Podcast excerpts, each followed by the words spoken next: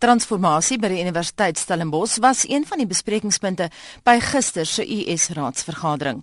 Twee ander Afrikaanssprekende universiteite, Noordwes Universiteit en die Universiteit van die Vrystaat, was ook onlangs in die nuus oor transformasie. En ons praat nou met die rektor van die Universiteit Stellenbosch, professor Russell Botman. Goeiemôre professor. Goeiemôre. Wat is gister bespreek? Anita, gister het ons net uh, een van die baie belangrike volgende fase van ons transformasieprosesse bespreek. Kyk, ons het begin uh, reg aan die begin soos alle ander universiteite en sommige spraak nou eers daaroor en nou nog daaroor. Deur te sê die eerste ding wat jy moet regkry is deur jou profiel te verander. Te begin kyk na jou rasprofiel, begin kyk na jou geslagsprofiel en so voort. Uh en ons het dit gedoen gekry met beurse en met werwing. Uh ons is nog nie waar ons wil wees nie, maar ons is ver op pad. Die tweede groot aksie wat ons geloods het is om te probeer verseker dat ons tradisies wat uitsluitend is van mense dat ons dit omvorm en verander en vernuwe. En ons het hard gewerk daaraan en ons het 'n waardegedrewe benadering daartoe gehad. Soort van watter waardes kan ons help om nie te dink oor hoe ons met mekaar wil omgaan? Nou is ons in die derde moeilike fase en dit is hoe om gelykwaardigheid te vestig sodat die dogter van die plaaswerker net so gelykwaardig voel soos die seun van die plaasboer. Dis 'n baie moeilike fase en ons is nou daar. En ons is nou besig om te vra hoe maak ons seker dat almal inklusief gelyk voel in die stelsel dat daar gelykwaardigheid ontwikkel aan die universiteit onder alle studente.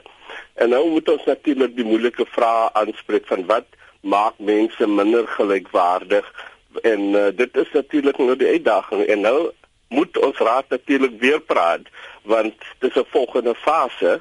Die raad is nog steeds verbind tot 'n transformasie van die universiteit. Die raad is nog steeds verbind tot die vestiging van 'n vernuwende kultuur aan die universiteit. Maar dis die moeilike deel nou wat ons na toe gaan hoe om nader na mense te beweeg en mense te help om gelykwaardig met mekaar te lewe aan die universiteit. Professor, mens kan nie 'n debat hier oor voer of 'n onderhoud hier oor voer as mens nie weet hoe die rassekwotas lyk nie. Statistiek ja. gewys, hoe lyk julle rassekwotas in terme van studente inname?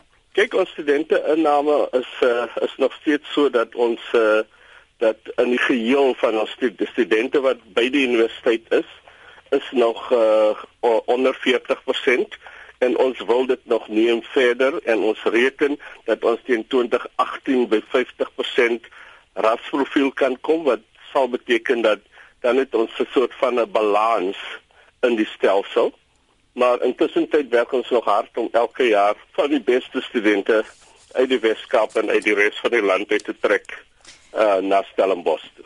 Nou, daar is ook verwarring oor die feite. Kom ons stel dit gou reg. Media 24 verwys na en ek haal direk aan. Een van die twispunte is ook 'n sogenaamde transformasieplan van die US, 'n plan wat volgens bronne verlede jaar deur die raad afgekeur is. Oh. En dan skryf Beeld in die Burger, Botman het gesê, die raad het die US se institusionele voorstelle en strategie in breë trekke aanvaar. Nou wat het gebeur? Is die die planne deur die raad aanvaar of is dit afgekeur?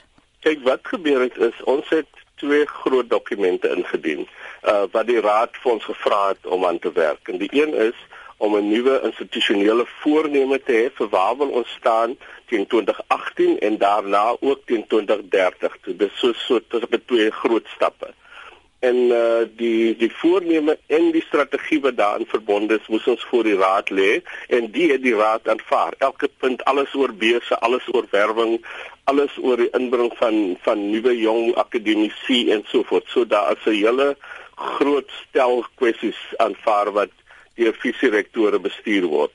Die interessante deel daarvan was dat by hierdie vergadering was daar ook aan die raad voorgelê nie noodwendig dat die raad dit ook moes aanvaar nie, maar 'n plan wat gesê het as so dink 'n taakspan wat ons gehad het oor transformasie aan die universiteit.